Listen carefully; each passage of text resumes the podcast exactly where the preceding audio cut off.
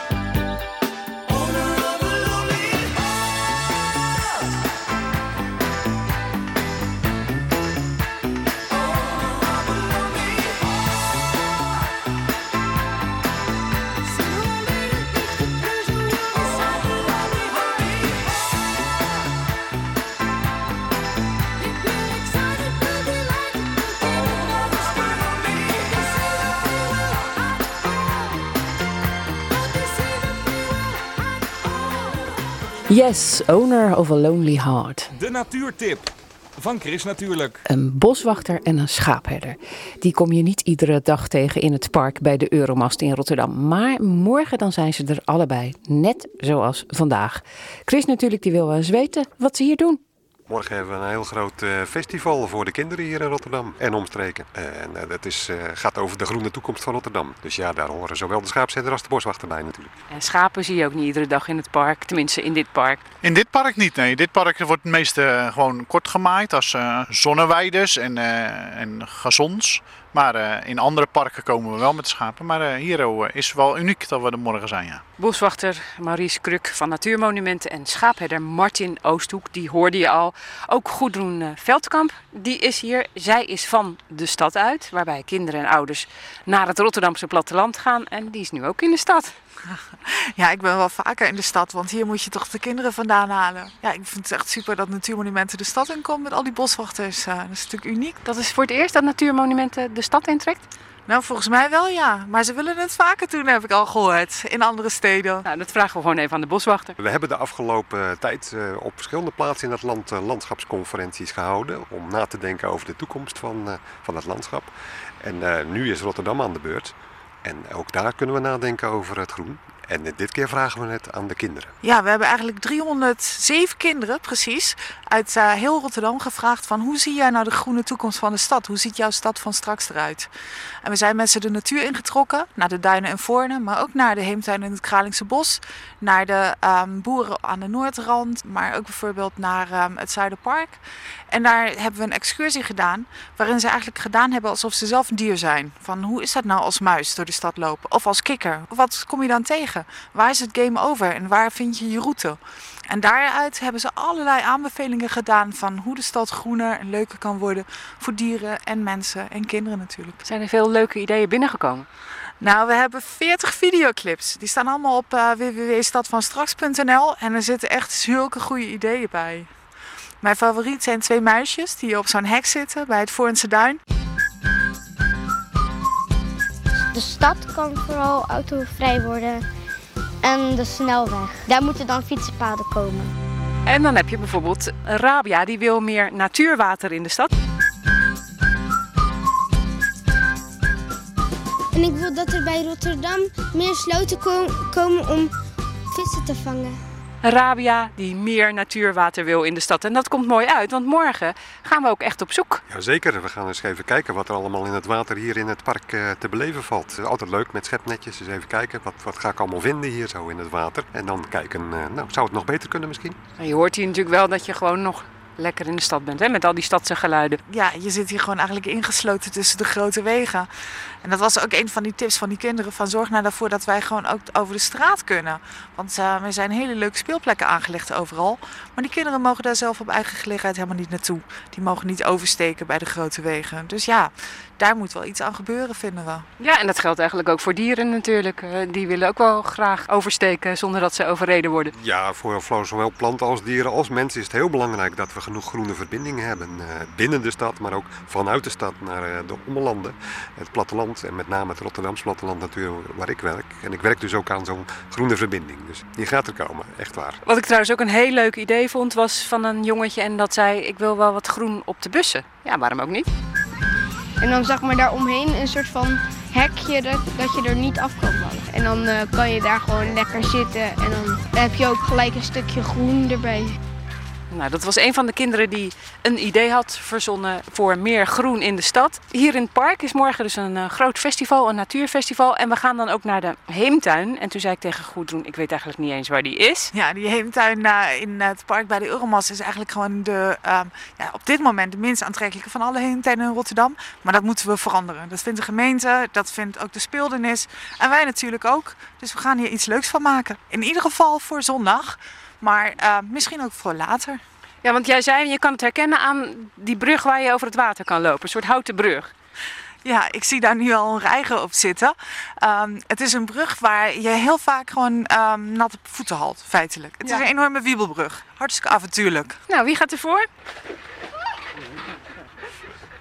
Net op, net op, doe! Kom maar, kom maar, kom! Net op, net op, net op, doe! Martin, een echte schaapherdershond, hè? Ja, ja, ja. Hij durft niet te komen. Hij vindt de schapen leuker als, eh, als het bruggetje. Maar hij zit nou al te, te loeren, want ze zijn natuurlijk heel slim, border collies. Hij zit nou te loeren of hij een ander wegje eromheen kan vinden. Neem je hem morgen mee? Eh, ja, natuurlijk. Ja, ja, ja. Dus eh, kom. Kom, Nettel! Nettel, doe! Ja, kom maar. Kom. Kom, Nettel. Ja. Zie je daar die, die kuil? Dat wordt een modderpoel. Want we hebben hier ook het Modder Museum of Art. En daar kun je modderschilderijen maken. En die moeten natuurlijk ergens de modder vandaan halen, de blub. Dus dat gaan we daar speciaal voor morgen maken. En je zei al ook, eh, ja, er staan hier go- goede oude bomen. Ja, er ligt er hier ook een mooie Ja. grote boom. Dat is natuurlijk hartstikke leuk om even overheen te klimmen. En er zitten een paar, paar mooie paddenstoelen aan, daar kan je mooi naar kijken. Wat is er hier nog meer te doen morgen? Nou, we hebben bijvoorbeeld een stand met Rotterdams wild. Ehm, dan kun je gewoon eh, allemaal opgezette dieren zien die in Rotterdam leven. Ehm, Een vos. een vos, met allerlei marters. nou, echt van alles en nog wat. Want dat zijn eh, denk ik dieren waarvan de schaapherder zegt, eh, laat die maar lekker in de stad. Nou, die vos, die, eh, die, ja, die, eh, die, eh, vooral naar de schapen hebben we weinig last van. Maar de weidevogels in, in, eh, in de Noordrand, ja, die hebben wel erg last van de vos. Dat is wel jammer. En, en met kippen in mijn stal, die vindt de vos ook erg lekker. Helaas. Wat kom jij hier nou morgen doen? Ik, ik geef een, een demonstratietje met, eh, met de hond natuurlijk. Over de brug lopen hier, wat nou, we net hebben gedaan? Dat, gaan we niet meer doen, want eh, Nettel vindt dat niet leuk. Dus eh, we gaan gewoon eh, een demonstratie met de schapen, eh, ja, dus de, de hond schapen drijven. En ik zal ook een aantal schapen scheren. De kinderen of de, de jeugd die er is, mogen me daarbij assisteren. En dan krijgen ze een stukje wol mee wat ze zelf geschoren hebben. Er komen nog meer boeren naar, naar de stad toe. Ehm, bijvoorbeeld boer Arie, die komt met kippen die heel oud kunnen worden. Hoe heet die andere? De, Dirk, Dirk Graafstein die, die neemt een, een makke koe mee en een kalf. Dus eh, ja, die kunnen we dan eens even voelen en, eh, en kijken eh, ja, hoe een koe er nou van dichtbij uitziet. Nou, we hebben daarachter bij die uh, kralenketting het Boerenplein straks. We staan hier aan het Hoofdplein. En dan achter het koetshuis hebben we ehm, het Bomenplein. En daar kun je dus bomen in met eh, de Rotterdamse boomverzorgers. En dat allemaal onder het toeziend oog van de Euromast. En natuurlijk van de Rotterdamse boomverzorgers. Want die hebben tuigjes en die hebben ook helemaal hoog in die bomen, die echt enorm hoog zijn, hebben ze een bel gehangen. En de bedoeling is dus dat je tot die belk gaat klimmen. Waarom maken jullie nou die combinatie van natuur in de stad en het platteland? Nou, eh, aan de noordrand van eh, Rotterdam is eh, Natuurmonument bezig om daar heel veel nieuw groen en recreatiegebied te realiseren. En we doen dat samen met de agrariërs. Het is Rotterdams platteland, dus eh, daar wordt ook gewoon koeien geweid en schapen gehouden. En dat willen we hier ook even laten zien. En waar komt nou die belangrijke plek waar het morgen eigenlijk allemaal om draait? Nou, dus eigenlijk direct daar naast het koetshuis, daar is het grote muziekpodium. Daar staat dan onze jury. Die gaan dan kijken welke van die 40 inzendingen het allerbeste is. En dat wordt allemaal begeleid door Lisa Wade van Klokhuis. De beste ideeën die komen in de tijdcapsule terecht en die sturen we via de geheime buisverbinding naar de tuin van een stadhuis. En vervolgens wordt die door diegene die in die tuin van het stadhuis staat verder op weg gestuurd naar de Noordrand. En een van de plekken die Natuurmonumenten ook gaat beheren daar is de tuin van Landgoed de Tempel. Nou, bijna niemand weet dat wij een echt landgoed hebben binnen Rotterdam. Maar dat is het landgoed waar ook de oudste eik van de stad staat. En naast die oudste eik van de stad gaan we die tijdcapsule begraven. En daar komt dan een jonge lood van een nieuwe eik eh, op. Ja, en vervolgens kijken we over 25 jaar of die ideeën zijn uitgevoerd. Ja, maar jullie gaan alvast wel een paar ideeën uitvoeren, toch? Nou, er zijn er een aantal die best wel uitvoerbaar zijn. En we hopen dus dat er gewoon mensen bij zijn die zeggen: yes, die gaan we doen. Heb je nog een uitsmijter voor morgen? Nou, ik heb in ieder geval een heel erg leuk extraatje. En dat is de beauty salon van Caroline Zeevat. Want misschien weet je dat niet, maar tegenwoordig is het helemaal in de mode om als je rimpels hebt, die te behandelen met ehm eh, slakkenslijm. Dat wordt gewoon verkocht in eh, apotheken en eh, bij de Douglas en zo. Ehm, maar Caroline, die heeft nu al echte slakken gekweekt, speciaal voor morgen. Zodat je in een beauty salon een speciale slakslijmbehandeling voor je rimpels kunt ondergaan. Nou, wie wil dat nou niet? Dierenbeschermers. Maar het, het, het zijn geen eh, slakken die worden gepest. Hè. Ze hebben nu gewoon al een, eh, een, een, dieet van eh, prachtige eh, blaadjes. En na zondag worden ze gewoon weer losgelaten. dus eh, Iedereen komen naar het park. Je moet gewoon komen. Kom nou! Waar blijf je? morgen van 11 tot 5 in het park bij de Euromast.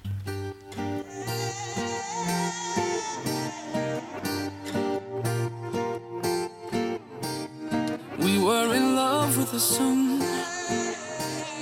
We were in love with the sun, sipping on coke and rum. My head up in the clouds, but when I look back now, ain't nothing else I would do. When I spent the summer on you, our troubles all on the rocks.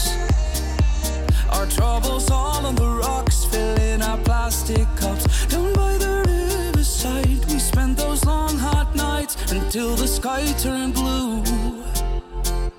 When I spent the summer on you.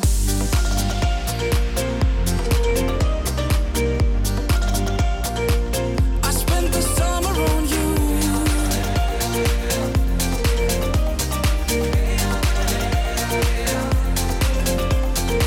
When I spent the summer on you. Most things in life. Most things in life ain't free, but you were all that I need. My feet down in the sand, you took the watch from my hand and said it's no more use. When I spent the summer on you, we were in love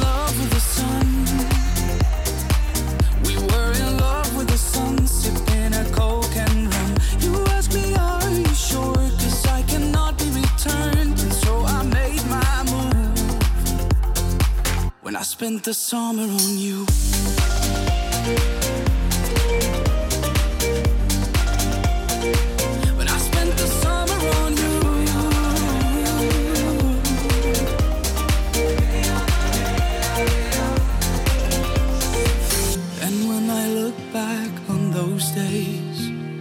There's not a thing that I would change. So when the year is through, I'll be right here too spent the summer on you.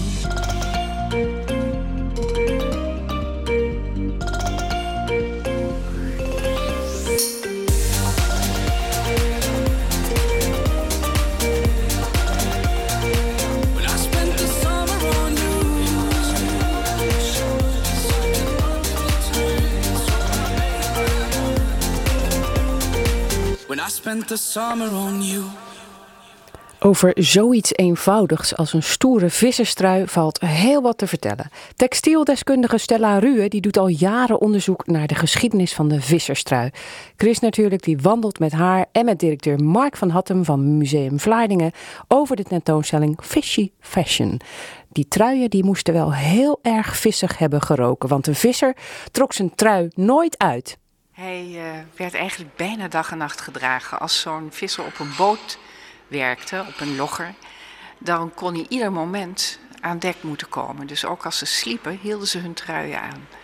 En dat eh, betekende eigenlijk dat ze heel vies en heel vet werden. Want ook tijdens het werken, het haringkaken, werd dat natuurlijk helemaal smerig. En ja, die truien die waren natuurlijk warm. En omdat ze altijd gedragen werden en zo vies en zo vuil waren, werden ze steeds warmer en ook waterafstotender. Ja, dat was eigenlijk heel praktisch, maar ideaal. Ja, een bijkomend voordeel was dat. Ja, maar er was ook een bijkomend nadeel. En dat nadeel, dat eh, hoorde ik na afloop van een lezing. kwam een mevrouw naar me toe waarvan de moeder in eh, Den Haag in het Rode Kruisziekenhuis had gewerkt voor de oorlog. En die vertelde dat als er een visser binnen werd gebracht, dat ze vaak zo vuil waren en dat die kleding zo aan die huid geplakt was dat ze twee dagen wel in olie geweekt moesten worden om dat eraf te kunnen krijgen. En dan, uh, als dat gebeurde, gingen ze nog eens even lekker boenen met zeep om ze schoon te maken. En dan waren die mensen meestal binnen twee of drie dagen dood. Want de huid had geen enkele natuurlijke weerstand meer tegen bacteriën. En je kunt je ook voorstellen hoe dat gestonken heeft. Dat is natuurlijk uh, ongelooflijk. Dat is wel met recht fishy fashion, zou je dan kunnen zeggen. Hele fishy fashion, ja, absoluut. We hebben ook uh, eerlijk gezegd collectiestukken uit het uh, depot gehaald... waarvan we bij sommigen zoiets hadden van... nou, laten we dat maar niet, uh, laten we dat maar niet gaan doen. Zo vies. En die bewaaien dan eigenlijk omdat ze natuurlijk nog wel iets vertellen over het verleden... maar ze zijn gewoon niet meer toonbaar. Een modern iemand zou niet meer zien waar hij naar kijkt. Op deze tentoonstelling is nog wel een originele visserstrui te zien? Ja, maar niet per se heel erg gedragen. er liggen er daar drie in een vitrine. Achter die vitrine is zeg maar de voorganger... Daar zie je eigenlijk een zeemans kiel. En die is gemaakt van zeildoek. En Zinkzelf is eigenlijk een heel leuk eh, ding, omdat je aan de ene kant ook de armoede, maar ook weer de praktische oplossingen daaruit leest. Hè. Ik bedoel, die, die truien werden heel praktisch gebreden en dat kostte niet veel. Maar ook wat ze daarvoor deden was dus een kiel improviseren van het oude zeildoek. Meteen een beetje waterdicht. Maar toch is het de visserstrui geworden. Hoe kwam dat? De eh, Nederlandse vissers kwamen in aanraking met Engelse en Schotse vissers. Tijdens de haringvangst hadden ze Lerwick op de Shetland-eilanden als uitvalsbasis. En de Engelse en de Schotse vissers droegen eigenlijk al vanaf zeg maar 1830 truien als bovengoed. En de Nederlandse vissers die waren altijd al heel succesvol in de haringvangst. Die hebben eigenlijk vanaf dat moment dat gebruik overgenomen. Er werden wel truien tussen aanhalingstekens gedragen. Het waren eigenlijk hemden, als het ware, die onder zo'n kiel gedragen werden. Maar toen gingen zij ook die truien als bovengoed dragen. Er werden in eerste instantie truien uit Engeland meegenomen, gesmokkeld, want er waren hele strenge wolwetten. Je mocht niet zomaar wol naar Nederland brengen. En hier in Nederland is dat door eh, de vrouwen in hun eigen breitraditie voortgezet. Die hebben zeg maar eh, ja, allemaal hun eigen patronen die ze in hun hoofd hadden in die truien verwerkt. En die motieven die waren heel belangrijk voor ze, omdat aan die motieven betekenissen werden gegeven die vooral ter bezwering en bescherming waren. Want het leven van een visser was altijd onzeker. Het feit dat hij eh, op zee zat kon ook betekenen dat hij niet meer thuis kwam. En om dat te voorkomen werden bijvoorbeeld godsogen in truien gebreid. En dat had eh, natuurlijk een beschermende kracht, maar het hield ook in de ogen van de vrouwen de mannen netjes. Je derde boek dat gaat juist over kindertruien. Op de haringloggers was dan wel een soort minimumleeftijd gesteld van 12 jaar. Maar heel vaak gingen er ook jongetjes van 10 of 11 al mee. En die kinderen die hadden de meest verschrikkelijke klussen, moesten ze aan boord doen. Die hadden een heel hard leven.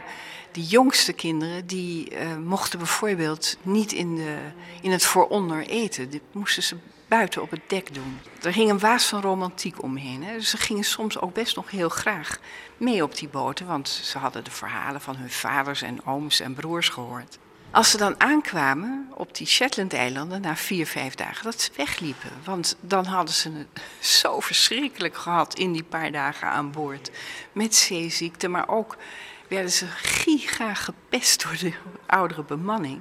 Kinderen van 12 konden dat vaak helemaal niet aan. We hebben het eh, ook over kinderarbeid, hè, want daar gaat je nieuwste boek over. Hoe zat het met de meisjes? De meisjes moesten minstens zo hard werken als de jongens, maar nooit op de boten. Hè. Maar ze moesten misschien ook breien. Ze moesten breien, absoluut. Maar ze werden ook eh, ingezet in de visindustrie. Netteboetsters, kwam ook heel veel voor. Handen mochten nooit stilstaan. Dus als je klaar was met inderdaad het nettenboeten, dan werd je gewoon, moest je gaan breien. Totdat je uiteindelijk een keer naar bed mocht. Er waren bijvoorbeeld eh, hele jonge kinderen, misschien van drie, vier jaar, moesten touw pluizen. Hè, dus die moesten zorgen dat eh, ze pluis kregen om de, de boten mee te stoppen. Nou, dan deden ze een week over één zak. En daar kregen ze 50 cent voor. En eigenlijk zijn, ondanks dat harde werken en zo'n heel gezin dat daarvoor ingezet werd, die vissers nooit uit hun armoede gekomen. Ze werden ook niet oud. Behalve de sterkste, want heel veel vissers, die natuurlijk aan boord in principe vrij gezond aten, in de zin dat ze veel vis aten. Groenten stonden helaas niet op het menu. Die werden, als ze het allemaal overleefden, soms wel 80, 90 jaar. Dat is eigenlijk ook wel weer heel bijzonder. In een tijd dat mensen toch niet zo heel oud werden. Veel minder oud dan nu. We kunnen nog eventjes bij de truien kijken. Er zijn namelijk ook hele schone truien hier te zien, hè?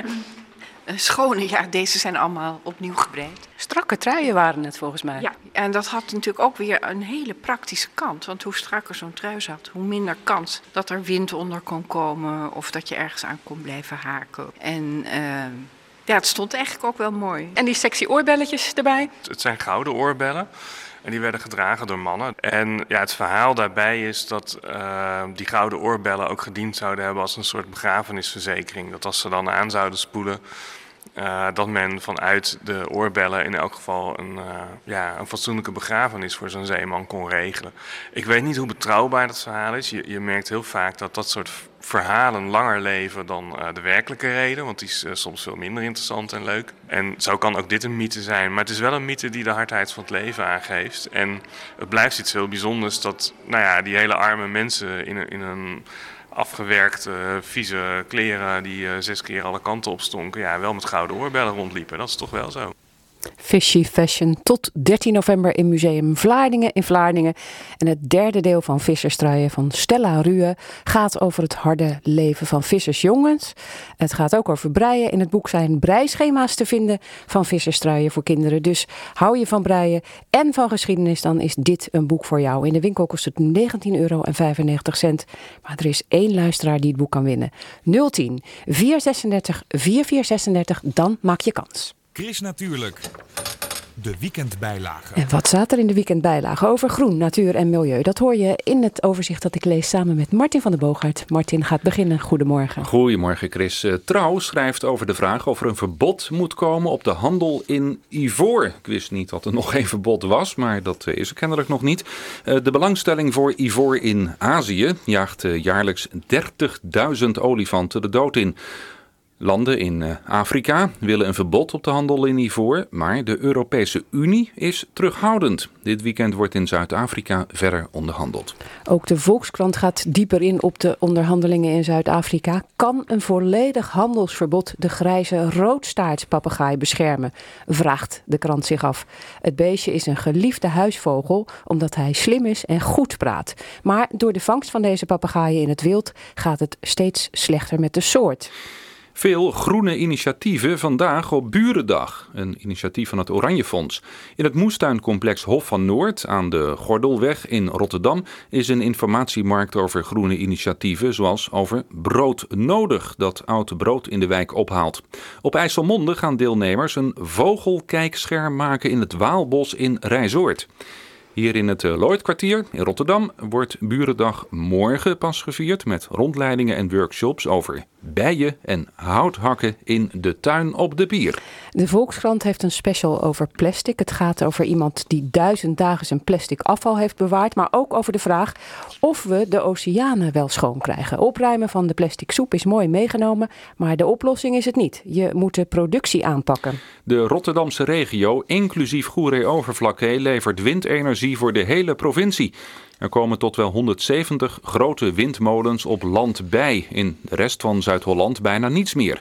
Je leest erover in AD Rotterdams Dagblad, die een analyse heeft gemaakt. Dat was Martin van der Boogaard met het groene nieuws uit de weekendkranten en daarbuiten. Gaan we door met het weerbericht. Dat komt vandaag van Leen de Koning. Leen, goedemorgen. Het is herfst, maar het wordt lente vandaag. Of zomer misschien Ja. wel. Ja, je kan het bijna zomer noemen, Chris, want het lijkt maar niet op te kunnen met het prachtige weer. Ja, de nachten worden wel wat kouder. Afgelopen nacht daalde de temperatuur naar een graad of 10. Dus in de ochtend is het inderdaad eh, wat eh, frisser geworden tussen aanhalingstekens. Maar vandaag wordt het inderdaad eigenlijk, kan je zeggen, een zomerse dag met veel zon, weinig bewolking. De wind ook niet al te sterk, een matige wind en die waait dan uit een zuidelijke richting. Ja, en dankzij die eh, uitbundige zonneschijn kan de temperatuur gaan oplopen naar zo'n 23 tot 24 graden. Ja, dat is voor deze tijd van september behoorlijk warm. Komende avond en nacht zien we een paar wolkenvelden en ook opklaringen. Hier en daar wat nevel. En dan koelt het af naar een graad of 13. Dus het wordt iets minder koud dan de afgelopen nacht. Nou, morgen aanvankelijk geen verandering. Maar in de loop van de dag zien we toch de bewolking eh, gaan toenemen. En dat is op de nadering van een zwakke storing die later in de middag en in de avond het Rijnmondgebied zal gaan passeren. De wind die waait ook morgen aanvankelijk nog uit de zuidelijke richting. Dus wordt nog steeds die relatief warme lucht aangevoerd. Het kan afhankelijk van het aantal uur dat de zon nog schijnt zo'n 22 tot 23 graden worden. Maar later in de middag en aan het begin van de avond is er een grote kans op een enkele bui in het Rijnmondgebied. Maar dat gaat ook weer snel over, want in de nacht van zondag op maandag wordt het overal alweer droog. De wind gaat dan wel wat doordraaien naar een westelijke richting. En uit die richting waait de wind op maandag. We hebben dan een eh, afwisseling van zonnige periode en wat stapelwolken, een paar van die mooie weerwolken. Niet al te veel wind, een zwakke tot matige wind uit die west, zuidwestelijke richting. En dan wordt het maandagmiddag een graad of 19. En ook dinsdag vrijwel overal nog droog, een matige wind, dan weer meer uit een zuidelijke richting. Dat merken we meteen weer aan de temperatuur, want dan wordt het een graad of 21. Kortom, het is en blijft nazomer, Chris. Nou, of een fijne lente, Leen. Ja, Dankjewel. dat kan ook. Ja, Tot de volgende keer. beleven de lente.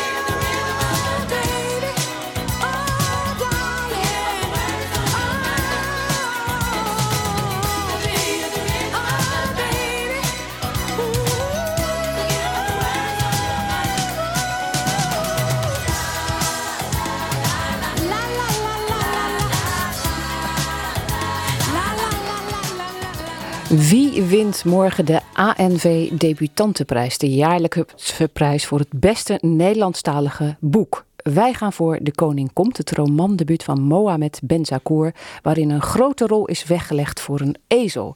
Bij het verschijnen van het boek september vorig jaar ging Chris natuurlijk samen met de schrijver naar kinderboerderij De Kieboehoeve in zijn woonplaats Zwijndrecht om onder het toeziend oog van de ezeltjes Lotje en Lente over zijn boek te praten. Kijk daar even ze. Een bruine en een grijs ge, gevlekte. Wat een enorme oren eigenlijk, is me nooit zo opgevallen. Ja, die oren die zijn wel heel belangrijk bij ezels. Daarmee communiceren ze. Met hun oren. Ja, als ze die oren plat in de nek eh, leggen, dan, moet je, dan is de uitkijker geblazen. En staan ze recht overeind, dan, eh, dan is die wel, wel gemutst, zoals nu. Wat vind jij zo leuk aan ezels? Ja, ik vind die tevredenheid die ze uitstralen zo mooi. Ze hebben altijd een soort rustige, kalme tevredenheid over zich. En de mensen zeggen ezels zijn dom. Nee, ezels zijn ontzettend fijngevoelig en fijn besnaard. Ze zeggen ook dat ezels koppig zijn, maar dat is ook een, een illusie. Want als een ezel niet meer eh, wil doorlopen, dan is het niet omdat hij koppig is, maar dat is omdat hij het baasje behoedt voor eh, naderend gevaar. Dat er een slang zit of zo bijvoorbeeld. Bijvoorbeeld, of een struikrover. Ja, ook dat? Ja, zeker, dat weet hij. De ezel die speelt echt een hoofdrol in je nieuwe boek De Koning Komt. Ja, Moebdi, de hoofdpersoon, die gaat terug naar Marokko. eh, om op zoek te gaan naar een bruid, want hij vindt dat het tijd is om te trouwen. En in die zoektocht komt hij in, eh, in eh, contact met de ezel van de buurman, wat een ezelin blijkt te zijn. Omdat ze hem iedere morgen bij, voor, voor dag en dauw eh, wekt met, eh, met het gebalk. Dus Moebdi, de hoofdpersoon, die eh, vraagt eh, vriendelijk, doch dringend aan de ezel of dat hij eh, wat eh, minder wil balken. In ieder geval niet zo heel vroeg. Maar du moment dat hij zich omdraait en afscheid wil nemen van die ezel, hoort hij ineens een stem. En dat is die ezelin. Die blijkt te kunnen praten. En dat wordt uiteindelijk ontspint zich een, eh, een geweldige, bijzondere vriendschap tussen die twee. Ja, want dat maakt het geen a- alledaags boek, hè? Met een pratende ezelin en ook Ja. pratende insecten zelfs. Maar ook geen sprookje. Het gekke is dat het in een hyperrealistische omgeving, een land, een cultuur en mensen zich afspeelt. Je zou dan denken dat zo'n ezel die dan eh, zijn vriendje wordt en met wie die eh, eindeloze gesprekken heeft over liefde en vriendschap. En, En over literatuur zelfs ook. Over literatuur. Het blijkt een ontzettend erudite ezel te zijn, die ook eh, een reïncarnatie is van een mens. Hoe kwam je op het idee voor dit boek? Ja, met het idee liep ik al heel lang. Maar ik heb mij altijd verwonderd over eh, eh, de liefdescrisis die ontstaan is in met name de Marokkaanse gemeenschap tussen jongens en meisjes. En je kent die hele discussie over importbruiden. Je zou denken, ja, waarom vinden ze elkaar niet hier in Nederland? Er zijn genoeg eh, meisjes en kandidaten. Maar nee, het moest dan per se uit het land van herkomst zijn, want zo'n bruid is lekker traditioneel, schotelt dezelfde gerechten voor als mama deed.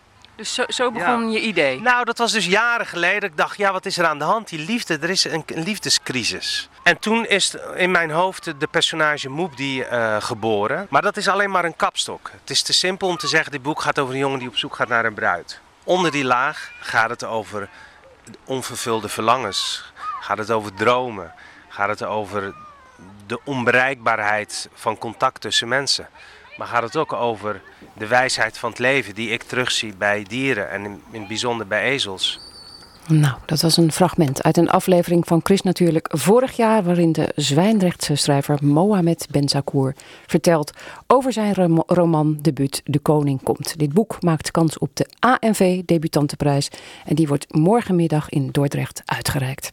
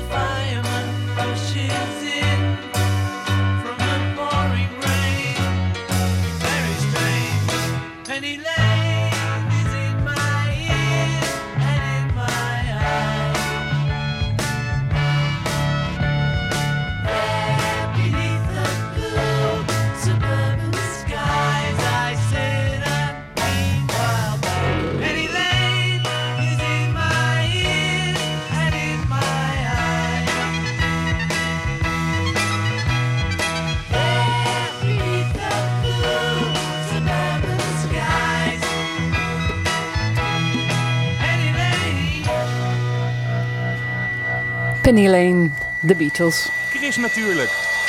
Lekker lezen. Hoe het bijna uitsterven van de zeeotter grote gevolgen heeft voor de rest van het leven in het noordoosten van de Stille Oceaan, terwijl andere soorten verdwijnen zonder al te veel consequenties. Daarover lees je in het boek Waarom zijn er zoveel soorten? De schrijver ervan, evolutiebioloog Menno Schildhuizen, is hier om erover te vertellen. Menno, goedemorgen en welkom. Ja, waarom zijn er zoveel soorten? Ja, daar zijn eh, verschillende antwoorden op. Ehm, ze zijn natuurlijk allemaal ontstaan door evolutie, dat is één antwoord. Maar dat is eigenlijk niet het antwoord dat ik eh, probeer te beantwoorden, of de vraag die ik probeer te beantwoorden in het boek.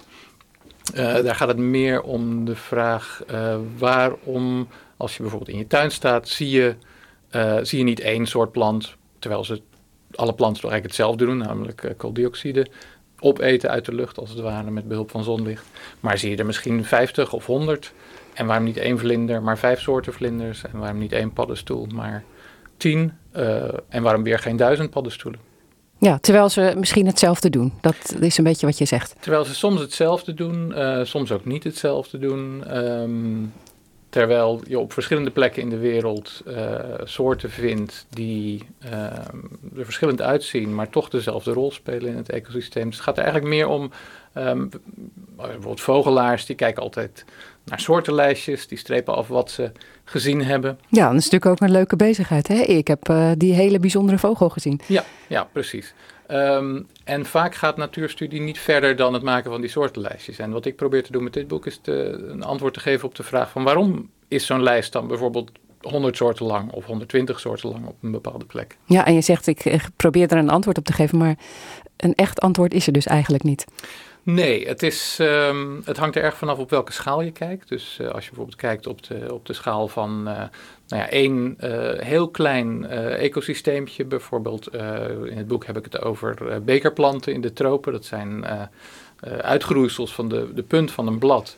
Waar, waar die, die bekerplanten een soort maagsap in ontwikkelen, waar ze insecten in vangen. Maar er zijn weer andere insecten en andere dieren die kunnen overleven in dat dat met water gevulde bekertje. En er ontstaat een klein ecosysteempje. En het aantal soorten dat daar voorkomt, dat is heel precies afgebalanceerd, uitgebalanceerd. Um, als er één soort bij komt die hetzelfde doet als een andere soort, dan wordt die weggeconcurreerd of hij concurreert de soort die er al zat weg. Maar als je op een veel grotere schaal gaat kijken, de schaal van, van een heel continent, dan zie je dat er heel veel soorten zijn die uh, min of meer hetzelfde doen. Um, en die dus wel concurreren met elkaar, maar elkaar niet, uh, niet wegconcurreren, omdat er genoeg ruimte is of genoeg tijd. Ja, maar nou geef je een, een afschrikwekkend voorbeeld in het boek over de zeeotter. Hè? De zeeotter die was bijna uitgestorven, meerdere keren.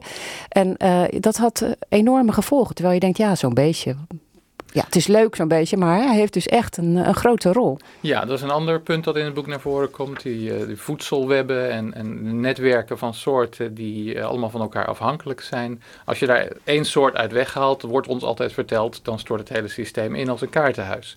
En soms is dat zo. Uh, in het geval van die zeeotter is dat zo. Soms is het ook niet, niet zo. Um, de, dat het bij de zeeotter zo werkt, komt doordat de zeeotter een zogenaamde sluitsteensoort is. Uh, nou, sluitsteen, dat is zo'n zo'n steen in de, in de top van een, van een middeleeuws gewelf. Uh, waar alle krachten samenkomen. Als, ja, je, die als je er dan onder gaat staan, onder een poortje, dan... Precies, dan stort de hele boel over je heen in. die zeeotter kun je beschouwen als zo'n sluitsteensoort. Die uh, in dat voedselweb van, van, van wie eet wie, speelt hij een centrale rol. En inderdaad, in de jaren 70, door overbejaging uh, van de zeeotter in, uh, in het noordwesten van, van Noord-Amerika, is die zeeotter zo zeldzaam geworden dat daardoor het hele ecosysteem veranderde. die zeeotters waren verantwoordelijk voor het eten van zeeegels.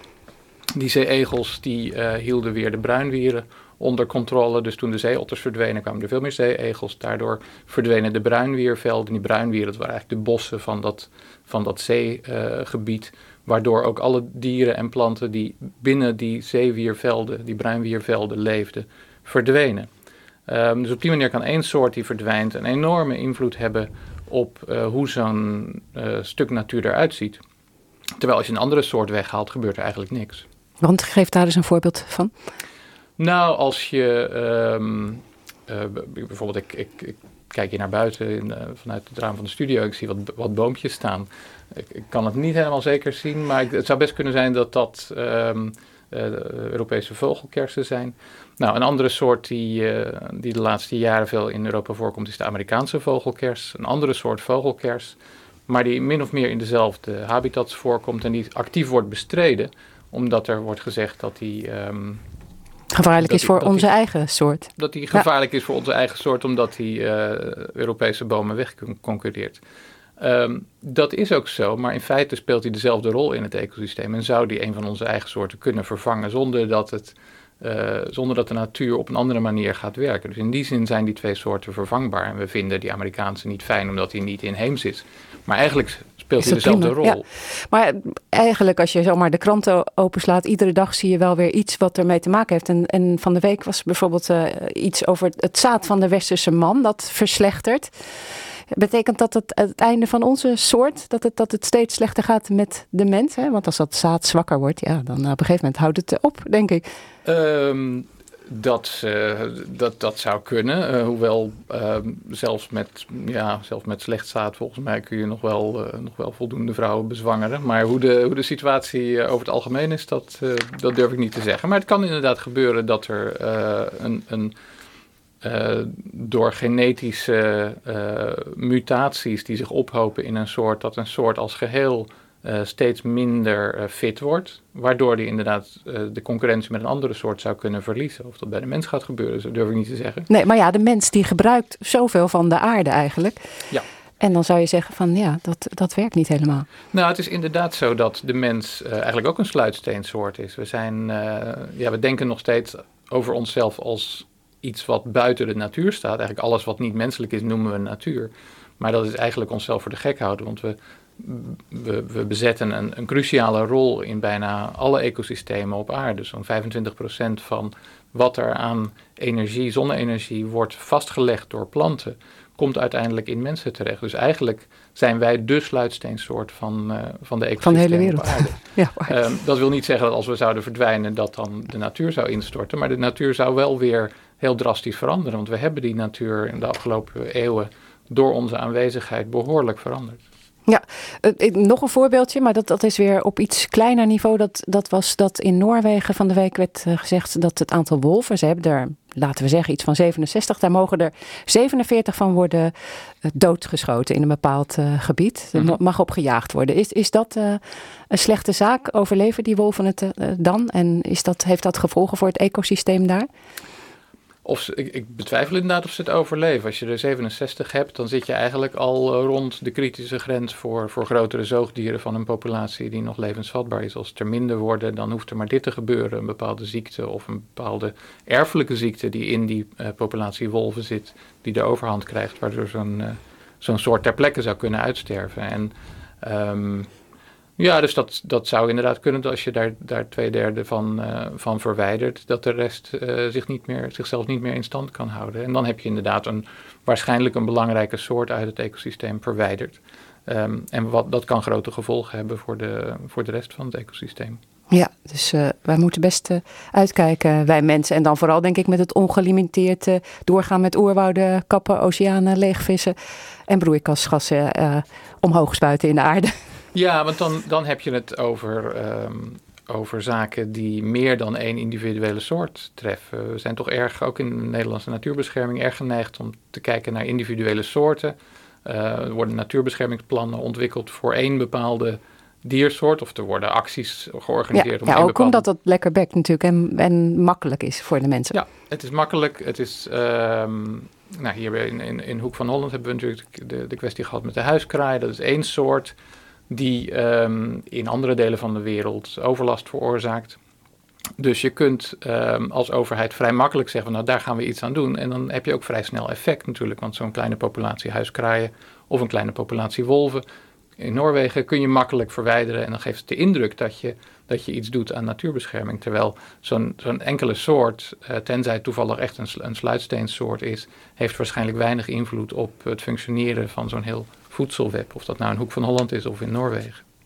Misschien moeten we allemaal gewoon stoppen. Alle mensen met het eten van eh, dieren. Wie weet dat het helpt. Menno uh, Schildhuizen, dankjewel voor je verhaal. Het boek Waarom zijn er zoveel soorten en andere ecologische raadsels is een uitgave van Atlas Contact In de winkel kost het 21,99 euro. Maar er is één luisteraar die het boek kan winnen. Bel 010 436 4436. Dan maak je kans. Fijn weekend en tot volgende week. Chris Natuurlijk. Kijk ook op chrisnatuurlijk.nl